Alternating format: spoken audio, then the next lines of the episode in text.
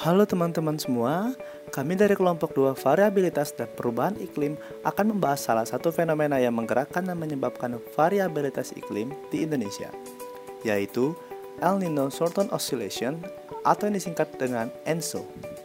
Sebelum itu, izinkan saya untuk memperkenalkan anggota kelompok yang terdiri dari saya sendiri Ricky Emmanuel Sinaga, kemudian ada Aurelia Intan Sabila, dan Muhammad Suban Al-Zibra. Selamat mendengarkan dan semoga bermanfaat. Seperti yang kita ketahui, kondisi cuaca di atmosfer tidaklah menentu. Kondisi cuaca tersebut terkadang jauh berbeda dari kondisi normalnya. Perbedaan tersebut dinamakan anomali cuaca. Mendengar kata El Nino dan La Nina tentunya bukan hal asing di dalam ilmu meteorologi. Ya, kedua istilah tersebut menjadi salah satu fenomena dari anomali cuaca. Lalu, apa itu El Nino dan La Nina?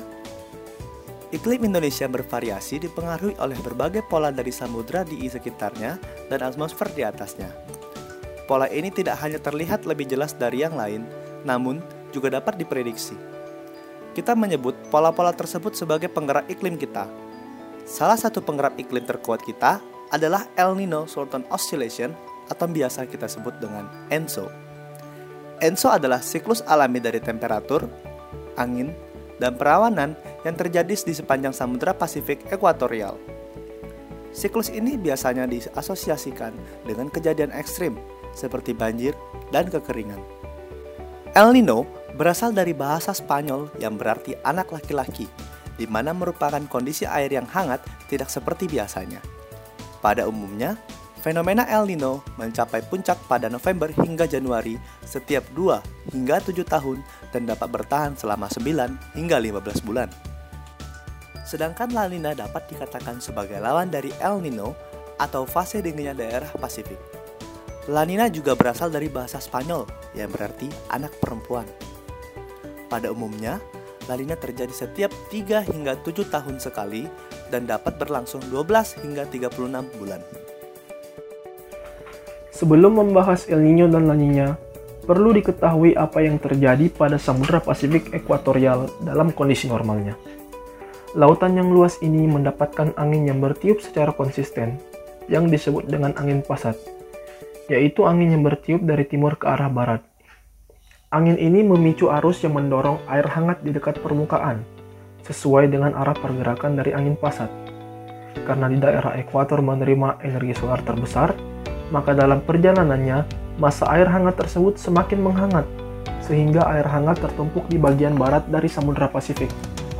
Sementara itu, di bagian timur Samudra Pasifik, saat air yang lebih hangat dipindahkan menjauh dari pantai, masa air yang lebih dingin pun ditarik ke atas dari lautan dalam untuk menggantikan masa air yang dipindahkan tersebut. Hal ini dilakukan dalam suatu proses yang disebut dengan upwelling, yang dilakukan untuk mempertahankan keseimbangan densitas lautan. Hal ini menyebabkan perbedaan temperatur yang cukup signifikan di sepanjang Pasifik ekuatorial, dengan masa air yang lebih hangat menumpuk di barat dan masa air yang lebih dingin menumpuk di timur. Air yang lebih hangat memberikan tambahan panas untuk udara, sehingga memperkuat konvergensi. Alhasil, terbentuklah suatu sirkulasi atmosfer di sepanjang Pasifik ekuator. Dengan udara yang lembab dan hangat naik pada satu sisi, dan udara yang dingin turun di sisi lainnya. Sirkulasi ini memperkuat angin easterly, sehingga Pasifik ekuatorial berada pada kondisi meneruskan sirkulasinya sendiri secara kekal. Hal ini terjadi hingga El Nino muncul. Jika suatu kondisi terpenuhi, sistem cuaca Pasifik tropis atau perubahan yang kecil pada lautan di sekitar ekuator dapat menyebabkan rangkaian peristiwa yang dapat melemahkan atau dalam kondisi paling buruknya membalikkan arah dari angin pasat. Dengan angin pasat yang melemah, maka masa air hangat yang dipindahkan ke barat menjadi berkurang dan upwelling menjadi melemah. Sehingga bagian yang biasanya dingin dari samudera menjadi lebih hangat, meniadakan perbedaan temperatur yang telah kita ketahui seperti biasanya. Kemudian, sirkulasi bergeser ke bagian tengah dari Pasifik ekuatorial sehingga mempengaruhi pola hujan dan angin skala besar di sepanjang Pasifik ekuatorial. Di Indonesia sendiri, efek dari El Nino identik dengan kekeringan. Hal ini diakibatkan pola divergensi di sekitar Indonesia akibat pusat tekanan rendah yang bergeser ke arah tengah dari Pasifik Ekuatorial. Berkebalikan dengan El Nino, pada La Nina, rangkaian kejadian tersebut menyebabkan penguatan pada angin pasat. Arus lautan menjadi lebih kuat sehingga masa air hangat dipindahkan jauh ke arah barat Pasifik bahkan melewati benua maritim. Semakin banyak masa air hangat yang dipindahkan, maka semakin banyak masa air dingin dari arus dalam yang dibutuhkan untuk menggantikan masa air yang dipindahkan tersebut. Air dingin ini dapat memanjang bahkan sampai ke tengah Pasifik. Dengan semakin banyaknya masa udara hangat yang menumpuk dan semakin kuatnya upwelling di timur, maka pola konvergensi semakin kuat sehingga menjadikan daerah tersebut menjadi pusat tekanan rendah. Di Indonesia, laninya identik dengan meningkatnya curah hujan sehingga dapat dikatakan peristiwa ENSO sebagai akibat dari adanya feedback antara lautan dan atmosfer, entah itu positif atau negatif. Dalam mengidentifikasi ENSO, digunakan berbagai macam indeks yang juga meninjau dari data historis. Di antaranya ialah Southern Oscillation Index atau SOI, Oceanic Nino Index atau ONI, JMA Index, dan Multivariate Index. Selanjutnya, apakah El Nino dan La Nina mempunyai dampak bagi Indonesia? Tentunya ya. Pengaruh El Nino terhadap Indonesia pada umumnya adalah membuat suhu permukaan air laut di sekitar Indonesia menurun, yang mana berakibat pada berkurangnya curah hujan. Namun, kandungan klorofil A pada lautan Indonesia meningkat, sehingga pasokan makanan di lautan Indonesia tentunya pun ikut meningkatkan jumlah ikan yang ada di perairan Indonesia. Sementara dampak La Nina adalah meningkatnya curah hujan di wilayah Pasifik Ekuatorial Barat yang di mana Indonesia termasuk di dalamnya. La Nina membuat cuaca cenderung menjadi hangat dan lebih lembab. Fenomena La Nina yang meningkatkan curah hujan membuat cuaca pada musim kemarau Indonesia menjadi lebih basah La Nina akan sangat terasa dampaknya bagi kota dan daerah yang tidak mempunyai resapan air yang bagus. Contohnya Jakarta. Di mana hujan yang terjadi selama beberapa jam saja sudah cukup untuk membuat Jakarta tergenang banjir.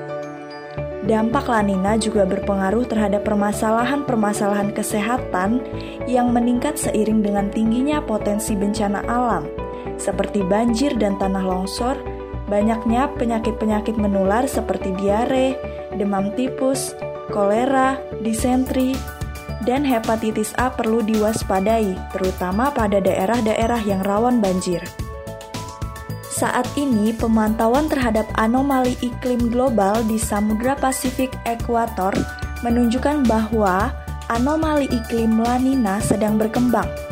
Indeks ENSO menunjukkan suhu permukaan laut di wilayah Pasifik Tengah dan Timur dalam kondisi dingin selama enam dasarian terakhir, di mana nilai anomali telah melewati angka minus 0,5 derajat Celcius, yang menjadi ambang batas kategori La Nina. BMKG serta pusat layanan iklim lainnya seperti NOAA, BOM dari Australia, JMA dari Jepang, memperkirakan La Nina dapat berkembang terus hingga mencapai intensitas La Nina moderate pada akhir tahun 2020. Diperkirakan akan mulai meluruh pada Januari atau Februari dan berakhir di sekitar Maret atau April pada tahun 2021. Namun demikian, dampak La Nina tidak seragam di seluruh Indonesia. Pada bulan Oktober sampai November, Peningkatan curah hujan bulanan akibat La Nina dapat terjadi hampir di seluruh wilayah Indonesia kecuali Sumatera.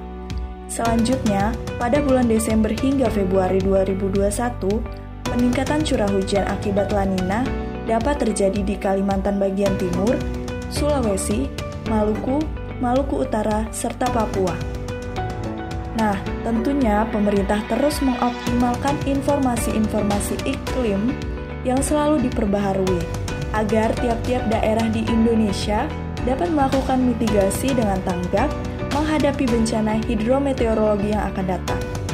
Masyarakat dihimbau agar terus memperbaharui perkembangan informasi dari BMKG dengan memanfaatkan kanal media sosial Info BMKG atau langsung menghubungi kantor BMKG terdekat.